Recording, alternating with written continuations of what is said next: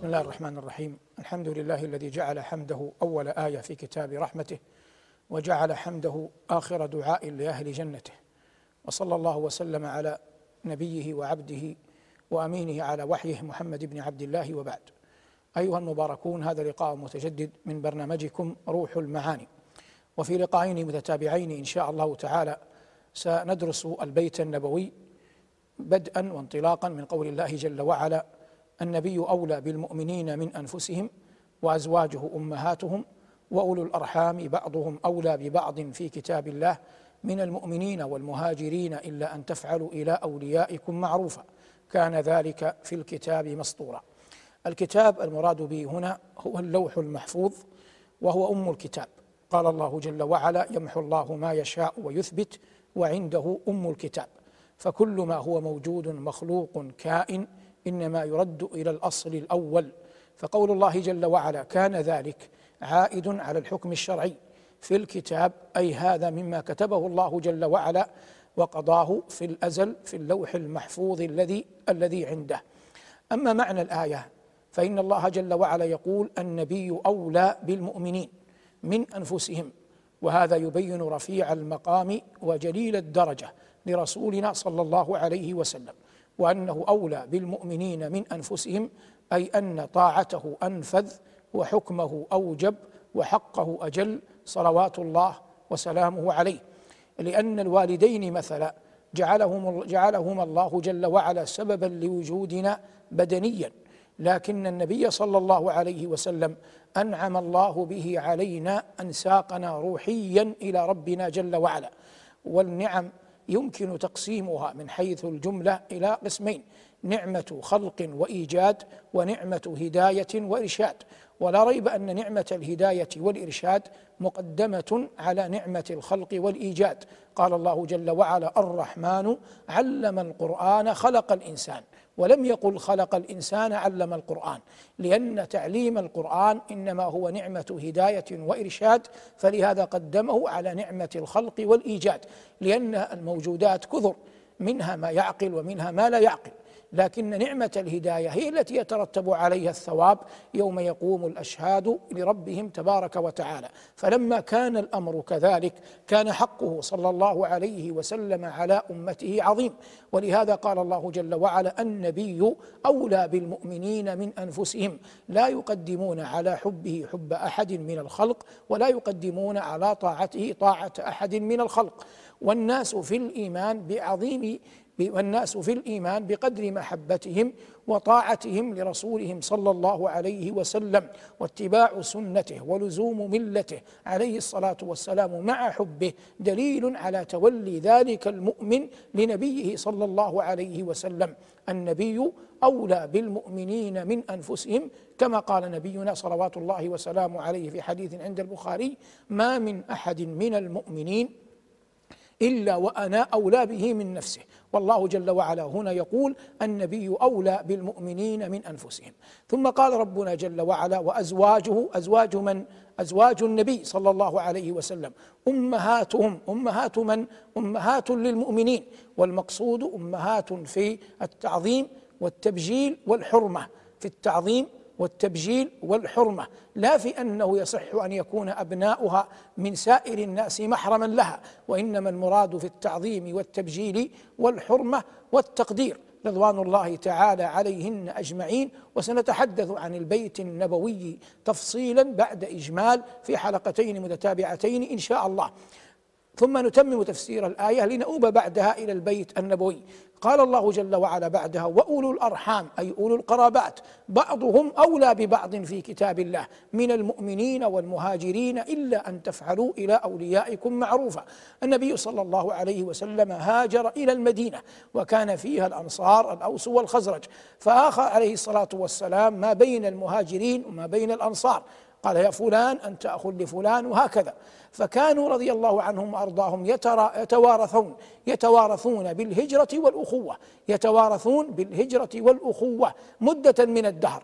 ثم أبطل الإسلام هذا الأمر وردوا إلى الحكم الأول المنصوص عليه في قول الله جل وعلا كان ذلك في الكتاب مسطورا ولا توارث إلا بواحد من ثلاث إما بنكاح أو نسب أو ولاء إما بنكاح أو نسب أو أو ولاء. أما الأخوة في الهجرة وأخوة الإيمان فإنها ليست سببا في أن يرث زيد عمرا ولا أحد أحدا ولهذا قال الله جل وعلا من المؤمنين والمهاجرين لكن ذلك لا يقطع باب الإحسان وباب المعروف وباب أن يوصي الإنسان إلى أحد من معارفه من إخوانه ممن يحب بشيء من ماله فيما دون الثلث إلا أن تفعلوا إلى أوليائكم معروفا ولا ريب أن صنع الخيرات والإفضال على الإخوان ومواساة ذوي القرابات وذوي الحوائج على وجه الخصوص مما جاء الدين به وحث عليه ودعا إليه وبه يتفاضل كثير من الناس. قال يا عمر الخير جزيت الجنة أكس بنياتي وأمهن وكلنا من الزمان جنة أقسمت بالله لتفعلن. قال عمر وإن لم أفعل يكون ماذا؟ قال إذا أبا حفص لأمضين.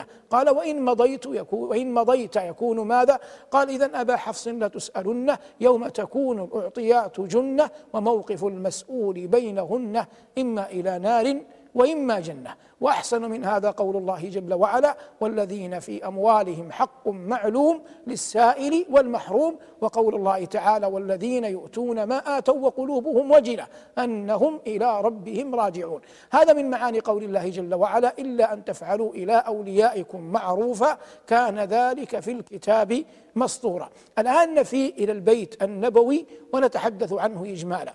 الله تبارك وتعالى شرع الزواج عموما.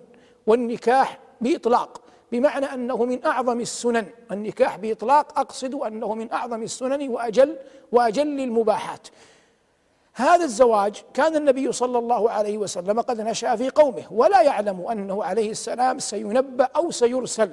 فلما بلغ الخامسة والعشرين من عمره الطاهر الشريف وكان بينه وبين البعثة قرابة خمسة عشر عاما تزوج خديجة بنت خويلد وسنها يوم ذاك أربعون سنة. أي أنها أكبر منه بخمسة عشر عاما. وكانت قد سمعت عنه ما أسرها من خلال ميسرة الذي كان يصاحب رسول الله في سفره إلى الشام للتجارة بأموال عائشة بأموال خديجة. هذه المرأة هي أول بذرة في البيت النبوي وأول امرأة جمعها مع النبي صلى الله عليه وسلم سقف واحد. والله جل وعلا لطيف بعباده. ومن أراد الله أن يصطنعه لأمر عظيم هيأ له الأسباب التي ينال بها ذلك الأمر العظيم. عقلا يا أخي امرأة في الأربعين هي تعطي أكثر مما تطلب. في حين لو كانت خديجة في الثامنة عشر ورسول الله في الخامسة والعشرين فهي تريد أكثر مما تعطي. وكان الله يهيئ هذا النبي الخاتم ليتم الله به الرسالات ويختم به النبوات. فكان حريا والله أعلم الله أعلم حيث يجعل رسالته. كان حريا أن تكون زوجته ممن هي في سن تقبل على زوجها معطية إياه أكثر مما تطلب منه. فتزوجها صلى الله عليه وسلم. فرأى منها ما تقر به العين ورأت هي منه ما لم يرى في في غيره من الرجال. فلم يكن يعمد إلى لهو قومه ولا إلى أصنامهم ولا إلى غير ذلك مما ينقص من قدره. صلوات الله وسلامه عليه. فرأت فيه أنه يحمل الكلب ويقري الضيف ويعين على نوائب الدهر ويصنع المعروف وهذا جعله عظيما في عينيها. لما بلغت خمسا وخمسين سنة جاءها يقول لها أنا نبي. من الخمسة عشر عاما التي مضت عرفته. ما وجهه والله بوجه كذاب. فآمنت فكان أول من آمن من هذه الأمة. وقد ورد كما ذكر السهيلي في الروض الأنف أنها لما أخبرها أنه لما أخبرها بالملك وأن الملك يأتيه انظر إلى عقلها. قالت يا نبي الله إذا جاءك هذا الملك فأخبرني. فجاءه جبريل. فقالت أي ابن عم؟ كلهم من قريش. تعال واجلس على فخذ الأيمن. فجلس. فقالت أتراه؟ قال لا. قالت تعال. قالت أتراه؟ قال نعم. قالت تعال فاجلس على فخذ الأيسر. أتراه؟ قال نعم. قالت تعال قم. واجلس في حجري. فجلس في حجرها. قالت أتراه؟ قال نعم. فكشفت عن خمارها رضوان الله عليها. قالت يا ابن عم أتراه؟ قال لا. قالت ابن عم أثبت. فإنه ملك وليس بشيطان. هذا لا يمكن أن يتلقى في مدارس ولا أن ينال من حلقات. هذا نور. قذفه الله جل وعلا في قلبها. ليثبت الله بها قلب نبيه صلى الله عليه وسلم. أعطته مالها. كتب الله لها له منها الولد ذكرا وأنثى. أنجبت له القاسم وبه يكنى ومات وهو صغير أي القاسم. وأنجبت عبد عبد الله ومات وهو صغير. وأنجبت له رقية وأم كلثوم وزينب وفاطمة. فأما زينب فتزوجت ابن خالتها العاص بن أبي الربيع فأنجبت منه أمامة ثم ماتت أمامة.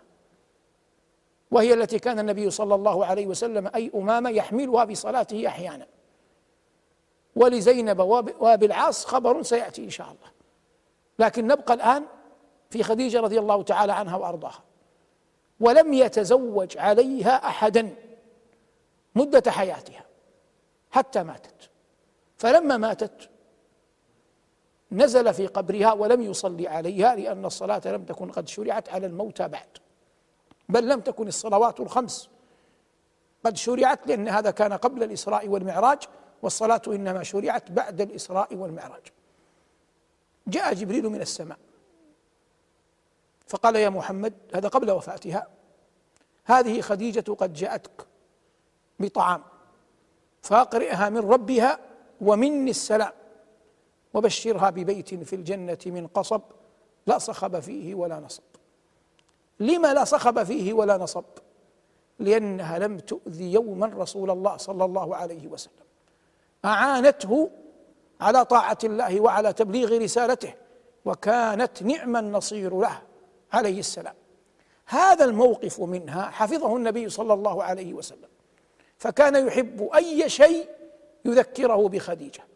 يقول في امرأة عجوز زارت يا عائشة إنها كانت تأتينا زمن خديجة.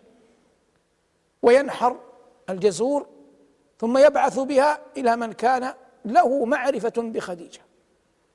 وتقول له عائشة رضي الله عنها وأرضاها وقد غلبها شيء مما يغلب النساء وهل كانت إلا عجوزا في سالف الدهر عوضك الله خيرا منها؟ قال لا والله ما عوضني الله خيرا منها. لقد آمنت بي إذ كفر بي الناس وواستني بمالها إذ حرمني الناس وصدقتني إذ كذبني الناس وكان لي منها الولد. ثم قال ورزقت حبها. هذا الحب يرزق يعطى يقذف في القلب من الله تبارك وتعالى. ما كل أحد يستطيع جلبه ولا كل أحد يقدر على دفعه. فهذا هي فهذه هي خديجة رضي الله تعالى عنها وأرضاها أولى أمهات المؤمنين. هي التي قال لها زملوني زملوني دثروني دثروني. وهي التي أخذته إلى ورقة بن نوفل. وهي هي صعب أن يحصر الإنسان فضلها لكنها أعظم نساء العالمين رضوان الله تعالى عليها. تزوجت قبله رجلين. فانظر كيف تعلمت حياة البيوت حتى تهيأ لتحيا في أكرم بيت وأجله مع رسول الله صلى الله عليه وسلم.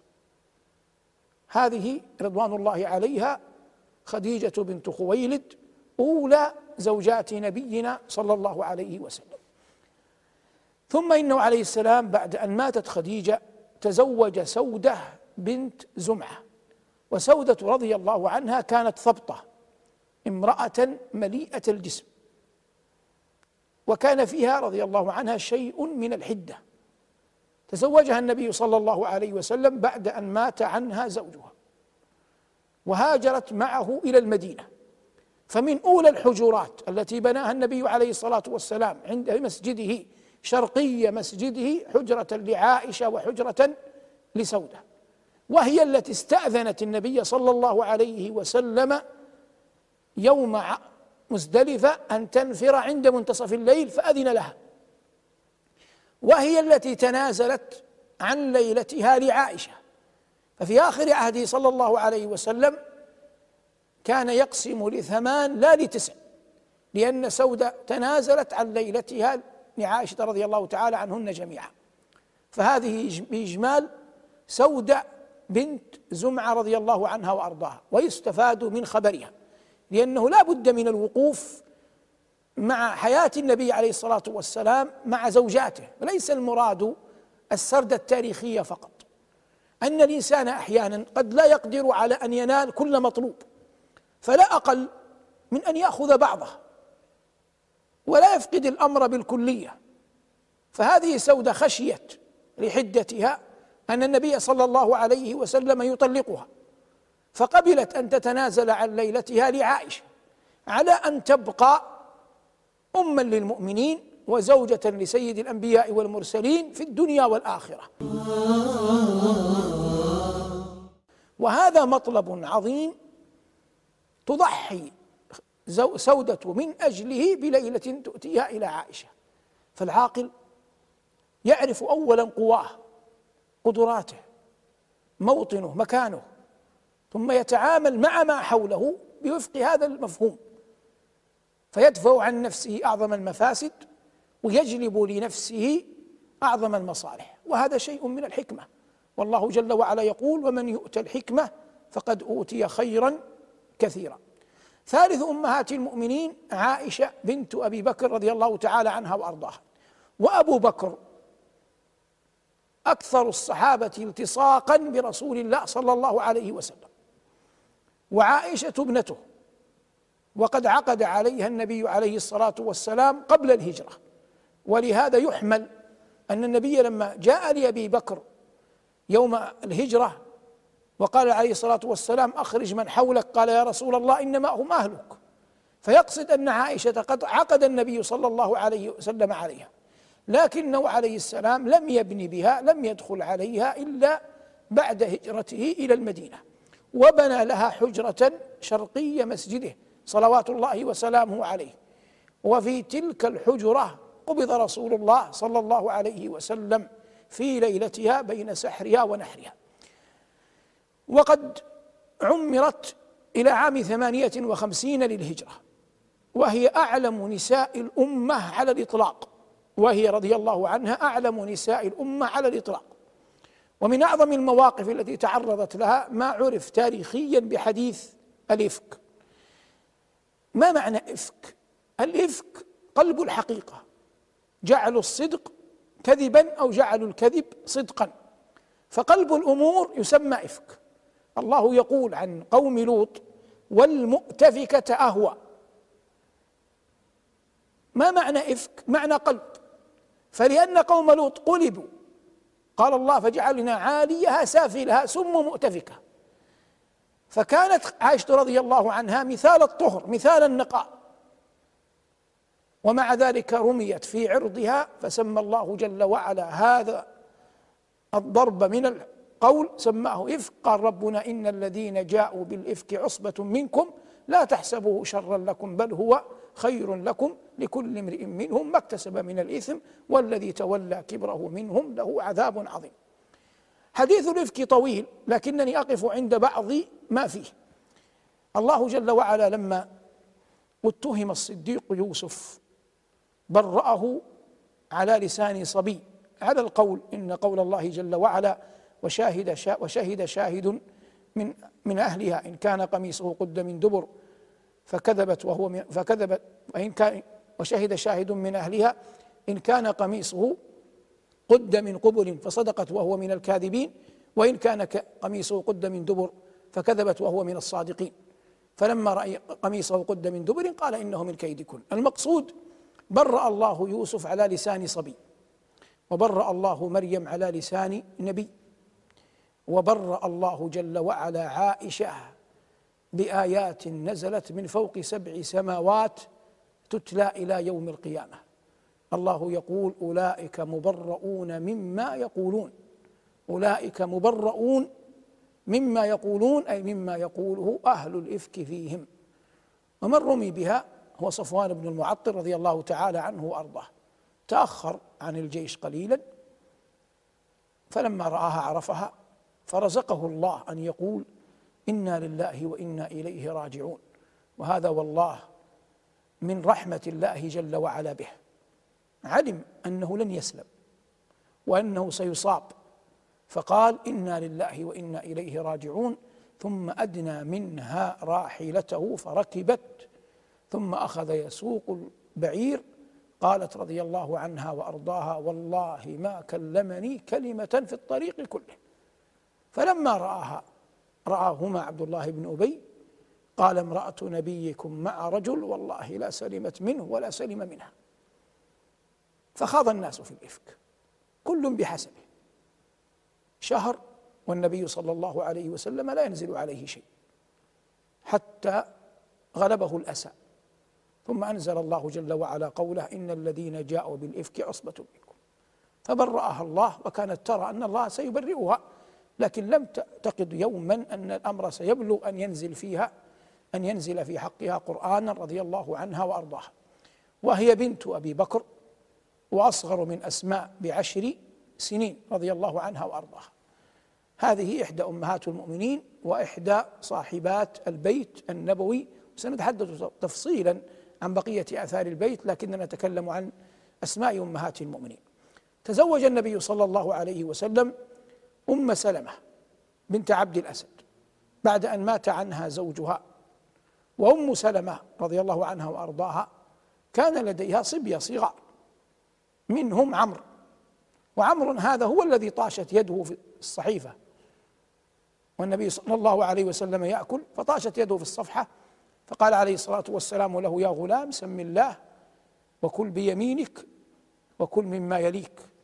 قال رضي الله عنه فما زالت تلك طعمتي بعد. وتزوجها النبي صلى الله عليه وسلم وهي, وهي ثيب وهي آخر وهي آخر أمهات المؤمنين موتا. توفيت عام واحد وستين من الهجرة وقد تجاوزت التسعين وقد جاوزت التسعين رضي الله عنها وأرضاها. هذه أم سلمة وقبلها تحدثنا عن عائشة وسودة وخديجة رضوان الله تعالى عليهن. فهؤلاء أربع من أمهات المؤمنين رضوان الله تعالى عليهن أجمعين. من أمهات المؤمنين جويرية بنت الحارث. وهذه من بني المصطلق. وكانت كانت امرأة مليحة رآها النبي صلى الله عليه وسلم فتزوجها فكانت ذات يمن على قومها. إذ أن الناس أطلقوا ما في أيديهم من سبي وقالوا أصهار رسول الله صلى الله عليه وسلم. أي كيف ينبغي أن نبقيهم تحت ولايتنا؟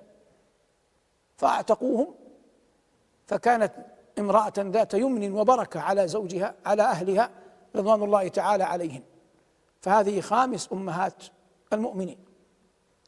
من أمهات المؤمنين رملة وهي حبيبة بنت أبي سفيان.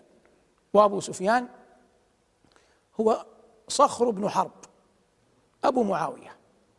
وقد عاند النبي صلى الله عليه وسلم كثيرا.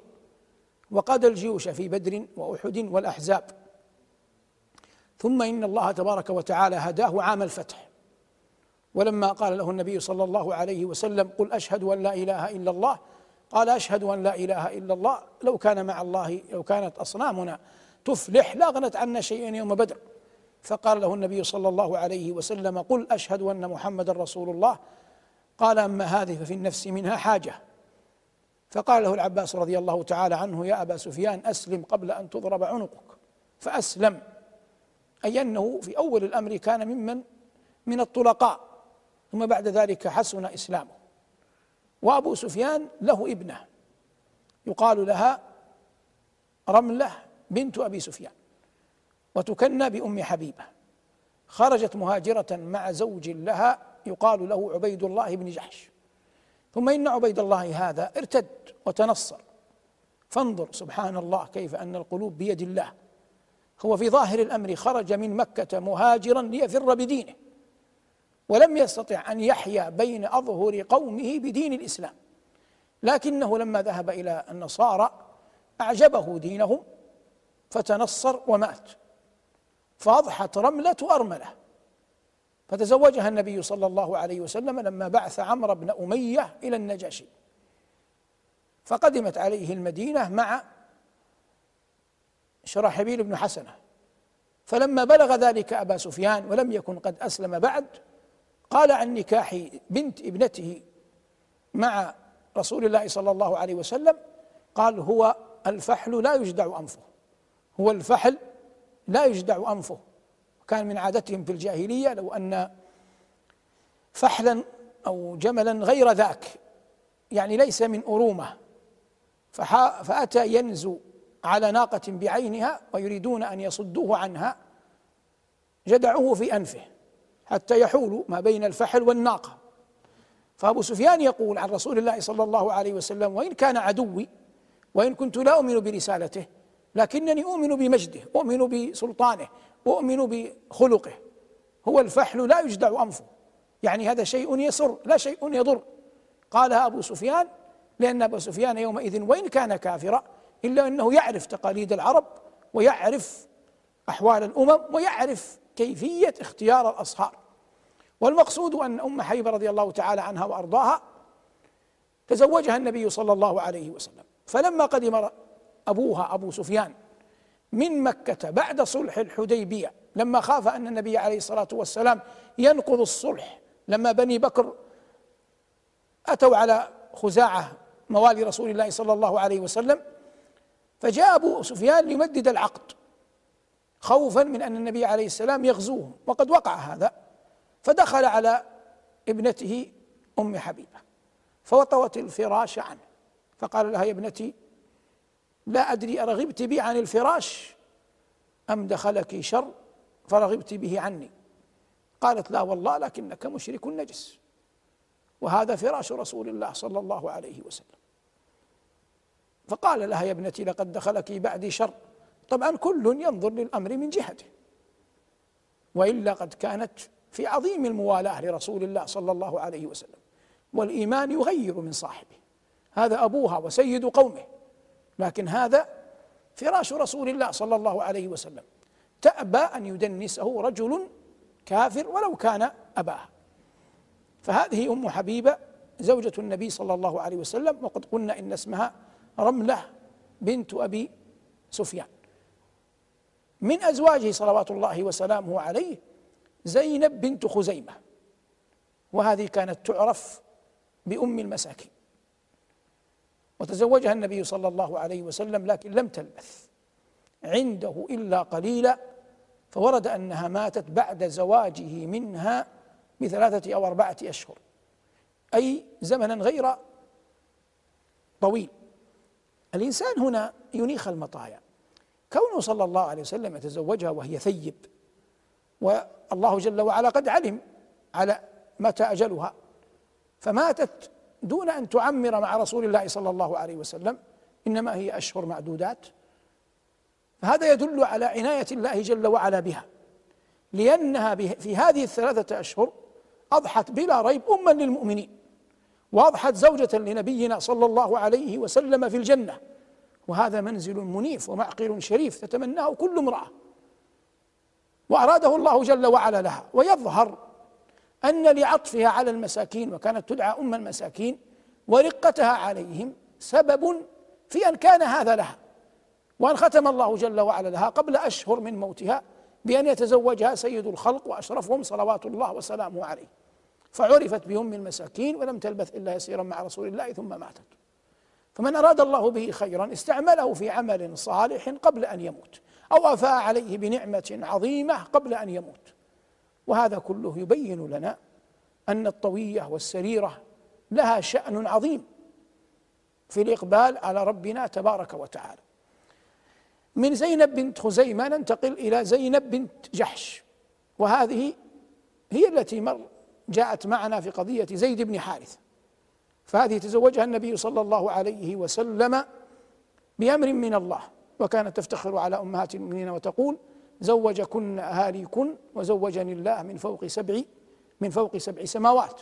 قال الله جل وعلا فلما قضى زيد منها وطرا زوجناكها لكي لا يكون على المؤمنين حرج في أزواج أدعيائهم إذا قضوا منهن وطرا وكان أمر الله مفعولا. وفي هذا إبطال لمسألة التبني التي كانت العرب تراها أمرا وركنا لا يمكن الانحياد عنه لا يمكن الحيدة عنه لكن القرآن ونزوله. والنبي صلى الله عليه وسلم وزواجه من زينب أبطل هذا كله وأظهر الأمر عيانا بيانا للمسلمين أنه لا ينبغي مسألة التبني وأن الأمر كما قال الله ادعوهم لآبائهم هو أقسط عند الله. ادعوهم لآبائهم هو أقسط عند الله. من أمهات المؤمنين صفية بنت حيي بن أخطب. وصفية هذه أصلها ابنة حيي بن أخطب زعيم يهود. تزوجها النبي صلى الله عليه وسلم. وقد كانت في من سبي بني قريظة من سبي كانت من سبي يهود من بني النضير الذين كانوا من سبي خيبر. ووجد النبي صلى الله عليه وسلم خضرة في أثرا في خدها فسألها قالت والله إني لم أكن أعلم عنك شيئا لكنني رأيت فيما يرى النائم أن القمر يسقط فيقع في حجري فقصصت هذا على زوجي فضربني الذي ترى. وقال لي تتمنين هذا الملك الذي في المدينة. ثم أن كان فتح الله جل وعلا على نبيه خيبر فوقعت صفية في سهم دحية بن خليفة الكلبي. فجاء رجل إلى النبي صلى الله عليه وسلم وقال يا نبي الله إن صفية لا ينبغي أن تكون إلا لك فهي ابنة سيد قومهم. فأمر النبي صلى الله عليه وسلم دحية أن يأخذ عوضا عنها واصطفاها لنفسه صلوات الله وسلامه عليه ثم عرض عليها الإسلام فأسلمت ثم أعتقها وتزوجها وجعل عتقها صداقها وبنى بها صلى الله عليه وسلم في الطريق ثم جعل لها حجرة في المدينة رضوان الله تعالى عليها. وهذه تحدثنا عنها في قضية فتح خيبر وقد عيرتها أم إحدى أمهات المؤمنين بأنها يهودية فقال لها النبي صلى الله عليه وسلم أجيبيها بقولها بقولك إنني والله لبنت نبي وعم نبي وإنني لتحت نبي. نقف قبل أن نتجاوز الصفية ونختم. مسألة أن النبي عليه الصلاة والسلام انقلب معها يعني ذهب معها لما زارته في الاعتكاف. لابد للعاقل أن ينظر في من حوله ويراعي كل أحد بحسب الحاجة التي يستحقها. فبعض الناس قد لا يحتاج مالا يحتاج حنانا في الكلمات. وبعضهم هو متشبع من الكلمات لكنه يحتاج إلى مال. بعضهم يحتاج إلى وقفة. فالعاقل يعرف كيف يسدي إلى من حوله ما ينقصهم ما يحتاجونه. فلما كانت صفية منقطعة ليست كعائشة أخوها عبد الرحمن وأخوها عبد الله وأبوها أبو بكر كلهم يغدون ويروحون عليها. ولا كحفصه أبوها عمر وأخوها عبد الله ولا كفلانه وفلانة من أمهات المؤمنين. أم سلمة يأتيها ابنها عمرو وغيره. فهي منقطعة لوحدها. فلما انقلبت عنه يعني تريد أن ترجع إلى حجرتها انقلب معها صلى الله عليه وسلم يشيعها إلى بيتها. فلما مر رجلان قال على رسلكما إنها صفية. قال أو فيك يا رسول الله. قال إن الشيطان يجري من ابن آدم مجرى الدم. الإنسان إذا اريد يريد أن يعالج مشاكله لا يتغافل عنها. لا يبني قصرا على الرمال. يكون رجلا يعرف الواقع يعرف الحقيقة يتعامل على الأشياء يتعامل مع الأشياء بمقتضى الشجاعة. التي تجعله يقف أمام كل حقيقة بعينها يتعامل معها بهدوء وروية وسكينة لكن لا يتحاشى أن لا يراها. لكن يمكن أن تراها وتتغافل عنها ممكن. التغافل عشرة أضعاف عشرة تسعة أعشار العقل. لكن لكل شيء مسلك وطريقة ثمة أمور لا بد فيها من الوضوح. وقد قيل والمريض القلب تجرحه تجرحه الحقيقة. المقصود أيها المباركون إطلالة على البيت النبوي. هذا ما تيسر إرادة في هذا اللقاء وسنتمم إن شاء الله تعالى في اللقاء القادم. بقية أخبار وأحداث البيت النبوي الطاهر بيت من الطين بالقرآن تعمره تبا لقصر منيف بات في نغم صلوات الله وسلامه عليه. هذا ما تيسر إراده وتهيأ إعداده وأعان الله على قوله وصلى الله على محمد وآله والحمد لله رب العالمين والسلام عليكم ورحمة الله وبركاته. بسم الله الرحمن الرحيم. الحمد لله على فضله والصلاة والسلام على خير خلقه وأشرف رسله وبعد. أيها المباركون هذا لقاء متجدد مبارك إن شاء الله تعالى مع برنامجكم روح المعاني. وقد كنا قد تكلمنا في اللقاء الماضي برحمة الله جل وعلا وفضله عن البيت النبوي. بعد أن ازدلفنا إلى قول الرب تبارك وتعالى النبي أولى بالمؤمنين من أنفسهم وأزواجه أمهاتهم وأولو الأرحام بعضهم أولى ببعض في كتاب الله. إلى أن قال ربنا كان ذلك في الكتاب مسطورا. وتحدثنا عن بعض عن أمهات المؤمنين وقلنا إننا في هذا اللقاء سنتمم الحديث. وبينا في ذلكم اللقاء السابق أننا لا نعمد فقط إلى قضية العرض التاريخي.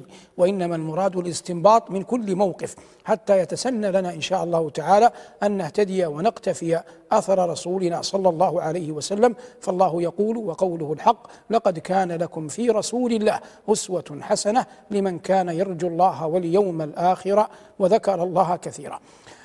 من أمهات المؤمنين حفصة بنت عمر فأبوها عمر بن الخطاب رضي الله تعالى عنه وأرضاه. وكانت تحت رجل آخر قبل النبي صلى الله عليه وسلم مات عنها ثم تزوجها النبي صلوات الله وسلامه عليه.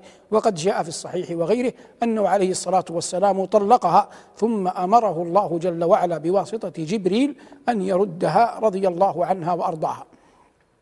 من أمهات المؤمنين ميمونة بنت الحارث وهذه أخت أم الفضل أي أنها خالة لابن عباس رضي الله تعالى عنه وأرضاه. تزوجها النبي صلى الله عليه وسلم على الصحيح بعد أن حل من عمرة القضاء في مكة. بنى بها بسرف ومن العجيب أنها ماتت في نفس الموضع الموقع الذي بنى فيه النبي صلى الله عليه وسلم أي بسرف نفسه. هذا مجمل ميمونة بنت الحارث و حفصة بنت عمر رضي الله تعالى عنه وأرضاه. بعد أن أجملت أسماءهن رضوان الله تعالى عليهن أبين التالي. نبينا صلى الله عليه وسلم تزوج إحدى عشرة امرأة. تزوج, تزوج إحدى عشرة امرأة. ماتت اثنتان منهن في حياته. خديجة وزينب بنت خزيمة التي مر معنا أنه كان يقال لها أم المساكين. فخديجة توفيت ولم يكن النبي صلى الله عليه وسلم قد تزوج عليها أي أنه لم يجتمع صلى الله عليه وسلم مع امرأة غير خديجة في زمن خديجة تحت سقف واحد وإنما عدد بعد وفاة خديجة. وأما زينب بنت خزيمة فقد ماتت بعد أشهر من زواجها من النبي صلى الله عليه وسلم. بقي من أمهات المؤمنين تسع. فمات صلى الله عليه وسلم عن تسع لكن إحداهن وهي سودة بنت زمعة كانت قد وهبت ليلتها لعائشة مع بقائها أما للمؤمنين وزوجة للنبي عليه الصلاة والسلام.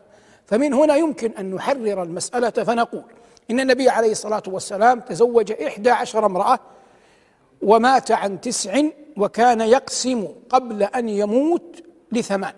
وكان يقسم قبل أن يموت لثمان زوجات من من زوجاته رضوان الله تعالى عليهن أجمعين. هذا اجمال نفيء الآن إلى التفصيل أو قبل أن نأتي للتفصيل النبي عليه الصلاة والسلام أهديت له أو تسرى جاريتين على الصحيح مارية وأهداها إليه المقوقس عظيم القبط في مصر وهي التي تسراها وأنجب منها إبراهيم وعاش قرابة سنتين أو ثمانية عشر شهرا ثم إنه مات فبكى النبي صلى الله عليه وسلم وقال الحديث الشهير وأنا على فراقك يا إبراهيم لمحزونون. وجارية أخرى يقال لها ريحانة بنت زيد وهي جارية يهودية من بني النضير أو من بني قريظة اختلف.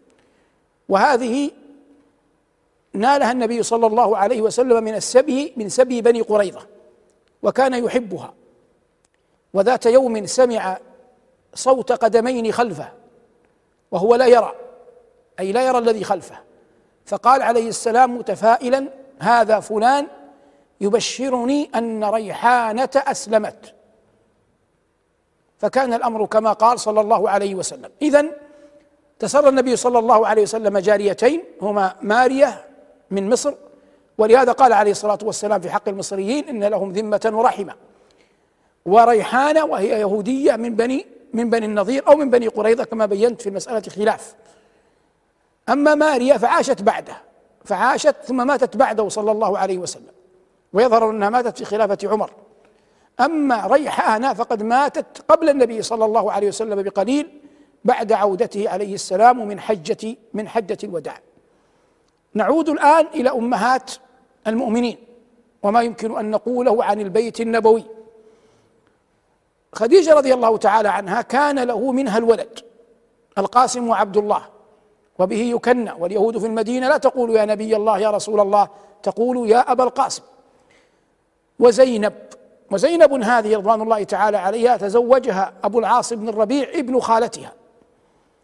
ثم إن أمها خديجة أهدتها قلادة يوم أن زفت إلى زوجها ثم بقي زوجها على الشرك. وهاجر النبي صلى الله عليه وسلم وابنته زينب عند أبي العاص.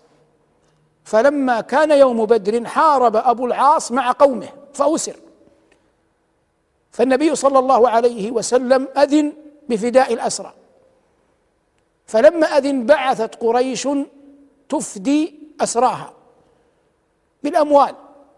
فبعثت زينب بنت رسول الله. قلادة القلادة التي وهبتها إياها أمها يوم أن زفت لأبي العاص لتفدي بها زوجها. فلما رأى النبي صلى الله عليه وسلم القلادة بكى. لما رأى القلادة بكى تذكر ابنته تذكر زوجته. العاقل يمتنع عن المكابرة. الدمعة إذا جاءت لا تردها لا تردها. والضحك القليل المتبسم لا ترده إن وافق. الله قال في حق ملك مهاب ونبي مرسل فتبسم ضاحكا من قولها لكن بقدر ويعرف الموطن. فهناك حاجات نفسية من الصعب مغالبتها. الرجل لا يحكم عليه بأنه رجل إذا كان لا يبكي وإنما يحكم عليه بأنه رجل إذا كان يقوم بما كلفه الله جل وعلا به. إذا رأيناه يخطو إلى المسجد ويحفظ الحرمات ويقيل العثرات ويقوت من يعول حكمنا عليه حقا بأنه رجل.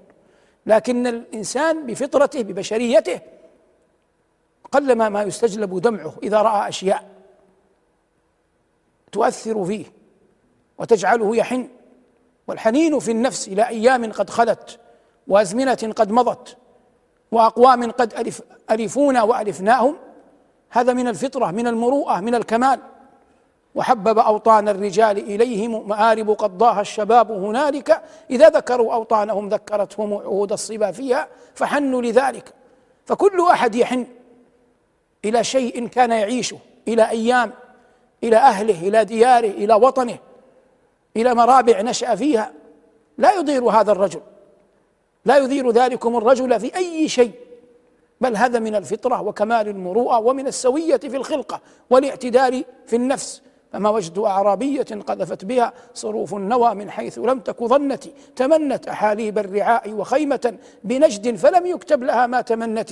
إذا ذكرت نجدا وطيب هوائه وأهلا بنجد أرعوت وأرنت لها أنة قبل العشاء وأنة سحيرة فلولا أنتاها لجنتي فالإنسان لا بد أن يخرج أحيانا شيئا من مكنون صدره ولو لبعض خواصه ولا بد من شكوى إلى ذي مروءة يواسيك أو يسليك أو يتوجع والمقصود أن النبي صلى الله عليه وسلم لما رأى القلادة بكى.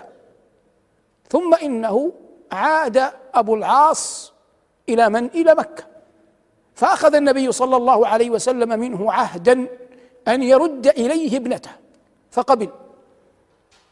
فلما عاد رد ابنته أي زينب إلى النبي صلى الله عليه وسلم يعني جعلها تهاجر إلى أبيها في المدينة. فتعرض لها بعض القرشيين وآذاها وهي على راحلتها. من هؤلاء الذين تعرضوا لزينب من أهدر النبي صلى الله عليه وسلم دمه يوم الفتح حتى لو كان معلقا في أستار الكعبة. حتى لو وجدوه قد تعلق بأستار الكعبة. هذا ما كان من زينب بن أبي العاص من زينب زوجة أبي العاص. ثم إن أبا العاص هذا خرج في تجارة فأسره جماعة من المسلمين ففر منهم. فلما فر منهم دخل المدينة فعمد إلى ابنته واستجار بها. وكان هذا قبيل صلاة الفجر. فدخل صلى الله عليه وسلم المسجد يصلي بالناس الفجر وهو لا يدري أن أبا العاص بن الربيع جاء لابنته زينب. فإذا بزينب تنادي في المسلمين قد أجرت أبا العاص بن الربيع. قد أجرت أبا العاص بن الربيع. فأمضى النبي صلى الله عليه وسلم الجوار ثم كان ذلك بعد فضل الله سببا في إسلام أبي العاص بن الربيع زوج زينب بنت رسول الله صلى الله عليه وسلم ثم ما لبثت زينب أن ماتت وماتت أمامة ابنة زينب من زوجها أبي العاص بن الربيع. إذا هذا الباب في العلاقة بالنبي صلى الله عليه وسلم أوسد أغلق. أما رقية فقد تزوجها عثمان رضي الله عنه. أشد هذه الأمة حياء. فمرضت مرضا شديدا والنبي في بدر. ولهذا لم يشهد عثمان بدرا. ثم لما ماتت زوجه النبي صلى الله عليه وسلم أم كلثوم أختها. وقد قال أهل العلم إنه لا يعلم أن أحدا جمع بين ابنتي نبي إلا عثمان. وهذا من مناقب عثمان رضي الله تعالى عنه وأرضاه. ثم ماتت أم كلثوم. وكلاهما إلا رقية أنجبت من عثمان ابنا يقال له عبد الله لكن ما لبث أن مات. فوسد الباب من جهة أم من جهة أم كلثوم ومن جهة رقية رضوان الله تعالى عليهما. وهن بنات خديجة ونحن نتكلم عن البيت النبوي. بقيت فاطمة. فاطمة رضي الله عنها زوجها النبي صلى الله عليه وسلم من علي بن أبي طالب. فلما زوجها من علي رضي الله عنه وأرضاه أنجبت له الحسن والحسين ومحسن. فمات محسن وهو صغير وبقي الحسن والحسين ومنهم ومنهما ذرية النبي صلى الله عليه وسلم وقد بسطنا القول فيه. لكن فاطمة رضي الله عنها بقيت وتوفيت بعد وفاة رسول الله صلى الله عليه وسلم بستة أشهر. وقد قال لها نبي الله وهو في مرض موته. أنك أول أهلي لحوقا بي. هذا من عجيب ما يسمعه الإنسان من حديث. فاطمة يومها كانت تقريبا في السادسة والعشرين. فكون إنسان يقول لأحد وهو في السادسة والعشرين أنت قريب الوفاة. ستتوفى قريبا. والذي يقوله نبي الأمة لا ينطق عن الهوى. شيء مخوف لأن الموت كل يكرهه. من حيث تلقيه. لكن النبي عليه السلام قال له قاله بأسلوب عظيم. يبين مدى رحمته بابنته ويبين مدى قدرته البلاغية عليه السلام. أنت سيدة نساء أهل الجنة وأول أهلي لحوقا بي. ففرق بين أن يقول لها ستموتين وفرق بين أن يقول لها أول أهلي لحوقا بي. فالخطاب أحيانا في تزيينه من غير ما كذب من غير ما مين دليل على عقل وروية ولطف من يقوله. انتقاء العبارات اختيار الألفاظ تنوع الأساليب هذا كله له دور عظيم في أن تكسب قلوب الناس. أو خي إن البر شيء هين وجه طليق ولسان لين. وقولوا للناس حسنا. فالخطاب والكلم به الإنسان أحيانا يغلب ويأسر قلوب الرجال بل وقلوب النساء. من كان لا يكذب ويقول الحقيقة ويريد به الرأفة والرحمة بمن حوله فبما رحمة من الله لنت لهم. ولو كنت فظا غليظ القلب لانفضوا من حولك. صحيح أن البعض يحتاج إلى تأديب هذا لا إشكال فيه ولا اعتراض عليه. لكن في الأصل أن الإنسان ينتقي العبارات خاصة مع من يحب. أنت سيدة نساء أهل الجنة وأول أهلي لحوقا بي. فقضية أول أهلي لحوقا بي هذا شرف. يؤتى له يؤتى لها رضي الله عنها وأرضاها. أن تنال أن تكون غير بعيدة عن نبينا صلى الله عليه وسلم. وقد قال العلماء إن جميع من مات من أبناء النبي صلى الله عليه وسلم وبناته قبل موته هم كلهم في ميزانه. وهو عليه الصلاة والسلام في ميزان من؟ في ميزان فاطمة. وقد قال عنها أنت بضعة مني رضي الله عنها وأرضاها. ولهذا قال محمد بن داود رحمه الله وهذا من أجمل القول الذي قرأته لما قيل له تعدل بفاطمة أحدا؟ قال لا لا أعدل بمن قال النبي صلى الله عليه وسلم فيها أنت بضعة مني أحدا من الخلق.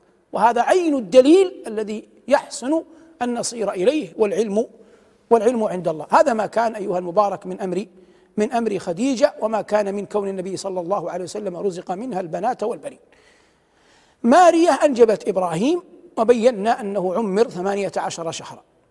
أما غيرهن من أمهات المؤمنين فلم يكتب الله أن يرزق أن يرزق الله جل وعلا نبيه منهن الولد. لا ذكرا ولا أنثى. وكان أمر الله قدرا مقدورا. اعترض من اعترض؟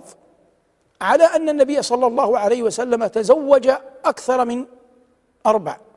قال الله جل وعلا في هذه القضية بعينها وكان أمر الله مفعولا ما كان على النبي من حرج فيما فرض الله له. سنة الله في الذين خلوا من قبل ولن تجد لسنة الله تبديلا. فهذا مما أباحه الله لنبيه لأن قضية المتاع المعروف الذي يطلبه الرجال عادة. في هذا الأمر غير موجود. فهو صلى الله عليه وسلم في أول زواجه تزوج ثيبا في الأربعين. ولم يدخل عليه الصلاة والسلام على بكر إلا عائشة. صلوات الله وسلامه عليه.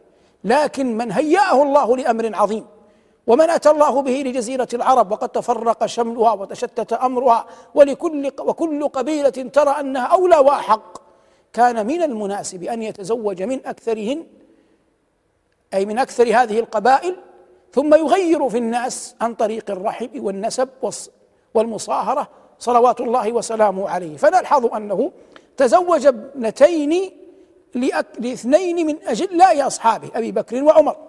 وزوج عليه السلام اثنين من أجلاء اصحابه عثمان وعلي. وهذا كله مندرج في الحكمة النبوية. نأتي للبيت النبوي على وجه الفوائد. نقل إلينا أمهات المؤمنين صلاة النبي صلى الله عليه وسلم في الليل وهذا هو الذي ينبغي أن يعول عليه وأنت تقرأ البيت النبوي. لأنك تقرأ في القرآن يا أيها المزمل قم الليل. تقرأ في القرآن كانوا قليلا من الليل ما يهجعون. وتقرأ في القرآن ومن الليل فتهجد به. فتسأل نفسك كيف أقوم الليل؟ فتزدلف إلى أمهات المؤمنين يخبرنك كيف كان صلى الله عليه وسلم يقوم الليل. تقول ام المؤمنين عائشة رضي الله عنها عن بعض وتر رسول الله صلى الله عليه وسلم كان يصلي ثماني ركعات سردا لا يجلس في واحدة منهن ثم يجلس في الثامنة فيتشهد ثم يقوم صلى الله عليه وسلم إلى التاسعة ثم يجلس فيتشهد ويصلي على النبي صلى الله عليه وسلم ثم يكثر من تعظيم الله ثم يسلم. ثم أي بعد الفراغ من الصلاة يصلي ركعتين وهو جالس. ثم يسلم سلاما يسمعنا أي يرفع صوته به. فهذه إحدى صور قيامه لليل ووتره صلوات الله وسلامه عليه. قالت أم المؤمنين فلما أسن رسول الله صلى الله عليه وسلم وحمل اللحم كان يوتر بسبع يجلس في السادسة. أي يسرد ست ركعات سردا ثم يجلس في السادسة ثم يقوم ثم يأتي بالسابعة. أي بدلا من أن يجلس في الثامنة يجلس في السادسة. وبدلا من أن يسلم في التاسعة يسلم في السابعة صلوات الله وسلامه وسلامه عليه. فهذا فقه عظيم. أخبرتنا به أم المؤمنين عائشة رضي الله عنها وهي من أجلاء بيت النبوة تطبيقا لقول الله جل وعلا واذكرن ما يتلى عليكن من آيات الله والحكمة. حججن أمهات المؤمنين مع رسول الله صلى الله عليه وسلم حجة الوداع. ثم حججن أكثرهن في زمن أمير المؤمنين عمر. وقد ورد أن النبي عليه الصلاة والسلام قال لهن بعد حجة الوداع هذه والزمن الحصر. أي لا حاجة لأن تحجوا بعدها. وقال جل وعلا في حق أمهات المؤمنين يا نساء النبي لستن كأحد من النساء. إن اتقيتن فلا تخضعن بالقول فيطمع الذي في قلبه مرض وقلن قولا معروفا وقرن في بيوتكن. ولهذا امتنعت سودة وأظنها رضي الله عنها أو أم سلمة امتنعت أن تحج في زمن عمر. وقالت إننا أمرنا أن نقر في بيوتنا. إننا أمرنا أن نقر في بيوتنا. مما نقله لنا أمهات المؤمنين رضوان الله تعالى عليهن أن أم حبيبة قالت قال رسول الله صلى الله عليه وسلم من صلى لله اثنتي عشرة ركعة بنى الله له بيتا في الجنة. فهذا إخبار من إحدى أمهات المؤمنين عما يقربنا إلى الله جل وعلا. كون الإنسان يعمد إلى أن يبني بيتا في الدنيا هذا يختطه كل أهل العقول. لا بد للإنسان في الدنيا من بيت يواريه. إن لك أن لا تجوع فيها ولا تعرى وأنك لا تظمأ فيها ولا تضحى. قال العلماء لا بد للإنسان من طعام يأكله ومن ماء يشربه ومن بيت يكنه ومن ثياب تستره. فكون الإنسان يبني لنفسه بيتا في الدنيا هذا حق. لكن أحق منه وأولى أن يسعى الإنسان أن يبني له بيتا في الجنة.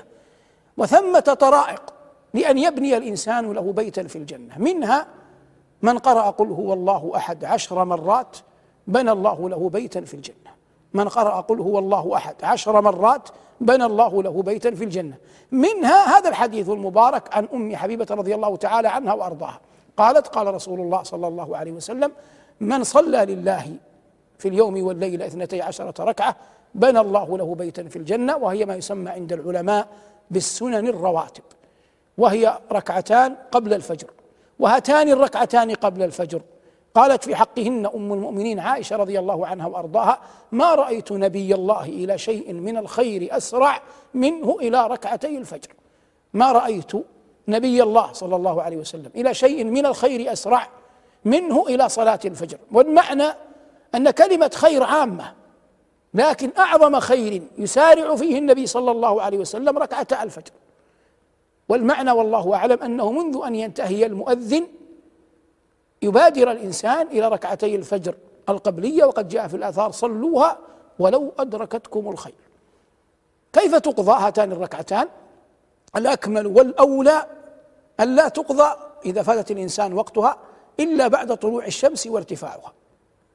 وبعض من العلماء يرى جواز قضائها بعد صلاة الفجر قبل طلوع الشمس لكن أحب إلي الأول. ثم أربع قبل الظهر وهذه ساعة تفتح فيها أبواب السماء. ولهذا قال النبي صلى الله عليه وسلم أحب أن يرفع لي فيها عمل صالح. ركعتان ركعتان وركعتان بعد بعد الظهر. فيصبح المجموع والوضع إلى الآن ثمانية. وركعتان بعد المغرب وهذه السنة الأولى أن تؤدى في البيوت. إلا لمن كان باقيا في المسجد أو كان سيعبر إلى دار غير داره. فيتعذر عليه أن يصليها في بيته أو داره فلا حرج أن يصليها في مسجده أو في أي مكان في طريقه.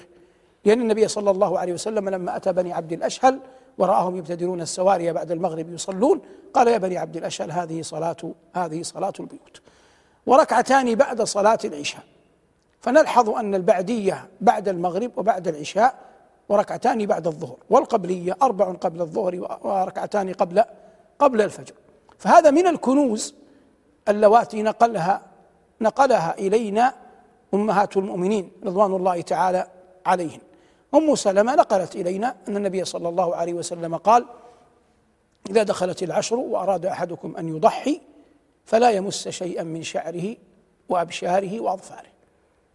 فهذا أخبرت به أم سلمة رضي الله تعالى عنها وأرضاها. من أنه يشرع لمن أراد أن يضحي وقد دخلت العشر من ذي الحجة وهل هلالها؟ ألا يأخذ شيئا من جسده. فمثل هذه الأحكام نقلت نقلها إلينا أمهات المؤمنين رضوان الله تعالى عليهن أجمعين. هذا البيت النبوي كان على هيئة حجرات أكثرها في الجهة الشرقية من المسجد وبيت حفصة مقابل الجهة القبلية على الجهة القبلية الآن في المسجد القديم قبلي. وفي نفس المسجد المعاصر مع توسعة عثمان رضي الله تعالى عنه وأرضاه أصبح في جدار القبلي الأول في الصف الأول. وبعض أمهات المؤمنين قيل إن لهن بيوت في الغرب لكن الأكثر كان في الجهة الشمالية الشرقية.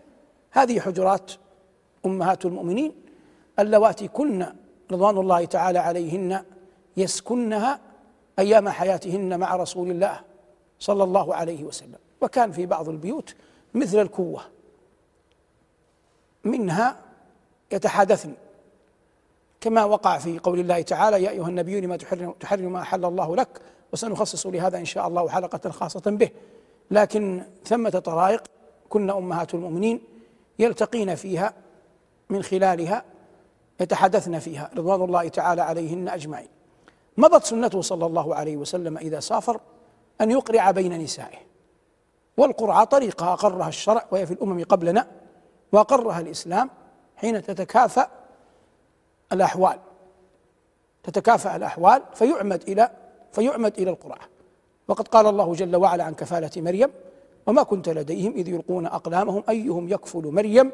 وما كنت لديهم إذ إذ يختصمون. وقال الله جل وعلا عن نبيه يونس فساهم فكان من المدحضين. أي دخل في القرعة. وكذلك النبي صلى الله عليه وسلم كان إذا سافر أقرع بين أقرع بين نسائه. من أمهات المؤمنين من خصها الله جل وعلا بفضل أكثر من غيرها فيما يظهر. كأن جبريل كان يأتي النبي صلى الله عليه وسلم جاء للنبي صلى الله عليه وسلم بالوحي وهو في فراش وهو في فراش في فراش عائشة. وقد أقرأ جبرائيل النبي صلى الله عليه وسلم السلام ينقله إلى عائشة. لكن في خديجة قال جبريل النبي عليه السلام هذا جب هذا قال أقرئ أقرئ خديجة من ربها ومني السلام. فخديجة بلغت سلام ربها عن طريق جبريل وعن طريق نبينا صلى الله عليه وسلم. أما عائشة رضي الله عن الجميع فقد بلغت سلاما من جبريل إلى النبي صلى الله عليه وسلم إلى إلى عائشة. المسجد كان بالنسبة للحجرات قلنا إن الحجرات شرقي المسجد لكن الطريق الذي كان يختطه النبي صلى الله عليه وسلم إلى المسجد كان من جهة بيت عائشة. وما ذاك إلا لأن بيت عائشة أول البيوت بناء. وما ذاك إلا لأن بيت عائشة أول البيوت بناء فكان له باب يطل على المسجد يخرج منه صلى الله عليه وسلم وله سترة. وهذه السترة هي التي كشفها النبي صلى الله عليه وسلم لما أراد أن ينظر إلى الصحابة وهم يصلون في صبيحة يوم الاثنين الذي توفي فيه فتهلل وجهه عليه الصلاة والسلام كأنه ورقة كأنه ورقة مصحف. بعض أمهات المؤمنين قرشيات مثل زينب بنت جحش وعائشة بنت أبي بكر وحفصة بنت عمر وبعضهن من نساء العرب الأخريات مثل جويرية من بني المصطلق ومثل زينب من بني عامر بن صعصعة وبعضهن يهودية وهي واحدة وهي صفية بنت حيي ابن أخطب. ابن عباس رضي الله تعالى عنه عنهما ساعده أن ميمونة بنت الحارث زوجة النبي صلى الله عليه وسلم هي أخت لأمه أم الفضل. والعباس بن عبد المطلب هو الذي زوج أم ميمونة بنت الحارث لرسول الله صلى الله عليه وسلم. فكان ابن عباس يأتي بيت خالته ميمونة فربما بات, بات عندها والنبي صلى الله عليه وسلم في ليلتها فعلم شيئا وبعضا من سنن قيام الليل عند رسول الله صلى الله عليه وسلم. وهذه طرائق وأبواب يفتحها الله جل وعلا على من يشاء من من عباده ليحقق لهم مقصودهم ويبين لهم تبارك وتعالى ويؤتيهم من من مراده. نلحظ أن البيت النبوي يخلو من الصبيه الصغار الذين ينتسبون إلى النبي صلى الله عليه وسلم مباشرة. لكن النبي عليه السلام جعل حجرة علي وفاطمة قريبة من حجرة عائشة. ولهذا كان الحسن والحسين يدرجان غير بعيد من بيت النبوة.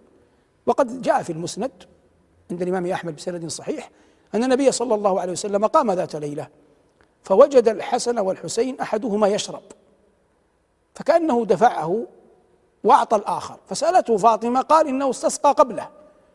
يعني هذا الذي أخرته الآن كان قبل قليل طلب الماء. والآن يكفيك أن تلحظ في البيت النبوي. هذا نبي الأمة ورأس الملة. ولا يجد عليه الصلاة والسلام غضاضة أن يقوم ويسقي صبيين صغيرين في الليل. وربما يأنف هذا من هو في أدنى الناس منصبا. لكن العظماء عظمتهم في قلوبهم لا في رؤية الناس لهم. فسقى صلى الله عليه وسلم الحسن وسقى الله صلى الله عليه وسلم الحسين. ثم قال لابنته فاطمة إن أنا وأنت وهذا وهذين الحسن والحسين وهذا الراقد وأشار إلى علي لفي موقف واحد يوم القيامة أو لفي مقام واحد يوم القيامة. فكان الحسن والحسين يدخلان يدرجان على رسول الله صلى الله عليه وسلم يملأان عليه شيئا من حياته وهو جدهما صلوات الله وسلامه عليه. وقد رقى المنبر ذات يوم يخطب فدخل عليهما قميصان أحمران يمشيان يعثران فلم يصبر. ونزل من المنبر وحملهما وقال صدق الله ورسوله إنما أموالكم وأولادكم فتنة. لقد نظرت إلى ابني هذين يمشيان فيعثران فلم أصبر حتى نزلت وحملتهما. فلم أصبر حتى نزلت وحملتهما. وهذا من حبه صلى الله عليه وسلم لهما. هذا كله كان يقع في بيت النبوة. بل أعجب من ذلك أن أم المؤمنين تسأل عن حال رسول الله صلى الله عليه وسلم في بيته فقالت كان يكون في مهنة أهله بمعنى أنه ما يقبل عرفا وعادة أن يصنعه الرجل يقوم به. وكلما كان الإنسان مستغنيا عمن حوله كان أولى وأحرى خاصة في خاصة بيته. قد يقبل هذا في المحافل العامة لأمور لا تخفى. فقد كان للنبي صلى الله عليه وسلم من يحمل وضوءه ومن يحمل له العنزة ومن يحمل له طهوره وسواكه. لكن في داخل بيته يكون صلى الله عليه وسلم هو القائم بمهنة بيته لأنه لا سبيل إلى من كان يخدمه خارج الدار أن يدخل معه بيته. وهذا من دلائل تواضعه ودلائل عظمته. صلوات الله وسلامه عليه في آن في آن واحد. هذه البيوت كانت مبنية من الطين تكن من الحر والبرد والمطر لا أكثر من ذلك. ولم يكن صلى الله عليه وسلم يحب ابدا أن يبالغ الناس في البنيان. وأخبر أن بني آدم يؤجرون على كل شيء إلا هذا التراب. ولما رأى أحد الناس قد بنى قبة تغير وجهه صلى الله عليه وسلم ففطن ذلك الصحابي لهذا الأمر فهدمها فالمبالغة في البنيان أمر غير محمود شرعا. فالمبالغة في البنيان أمر غير محمود شرعا. والله قال عن بعض أهل معصيته وتتخذون مصانع لعلكم تخلدون. أي تبنون تبنون كأنكم تعتقدون أنكم خالدون. بناء من يظن أنه لا موت يعتريه ولا شيء يهدم بنيانه. ولكن عليه الصلاة والسلام ولما بنى مسجده جاء في بعض الروايات أنه قال عريش كعريش موسى. وقال الأمر أعجل من ذلك. والحق أن الناس يحتاجون إلى موازنة في هذه الأشياء. ولكن ربما أن الحضارة الغربية بما ألقته علينا جعلتنا نتشبث بالدنيا أكثر ونميل إليها أشد ونركل إليها أقوى وهذا كله يدل على ضعف اليقين بالآخرة. صحيح أن الله شرع لنا أن لا ننسى نصيبنا من الدنيا لكن هذا يكون بقدر. والمقصود من هذا أن حجرات أمهات المؤمنين كانت تأوي لكنها لم تكن لم يكن فيها شيء أبدا من مظاهر البذخ. والترف تقول أم المؤمنين يمر الشهر والشهران ولا يوقد في بيت رسول الله صلى الله عليه وسلم نار إنما هما الأسودان التمر والماء. وهذا مستفيض في السيرة. ونحن ما شاع ذكره وذاع أمره ويعرفه الصغير والكبير لا حاجة لنا أن نردده. لكننا نقول ما يغلب على الظن أن فيه شيء جديدا من المعاني وزاخرا من العظات. وحسبك من القلادة ما احاط بالعنق. هذه وقفتان في حلقتين متتابعتين تحدثنا فيهما عن البيت النبوي مستصحبين بين أعيننا قول الله جل وعلا النبي أولى بالمؤمنين من أنفسهم وأزواجه أمهاتهم.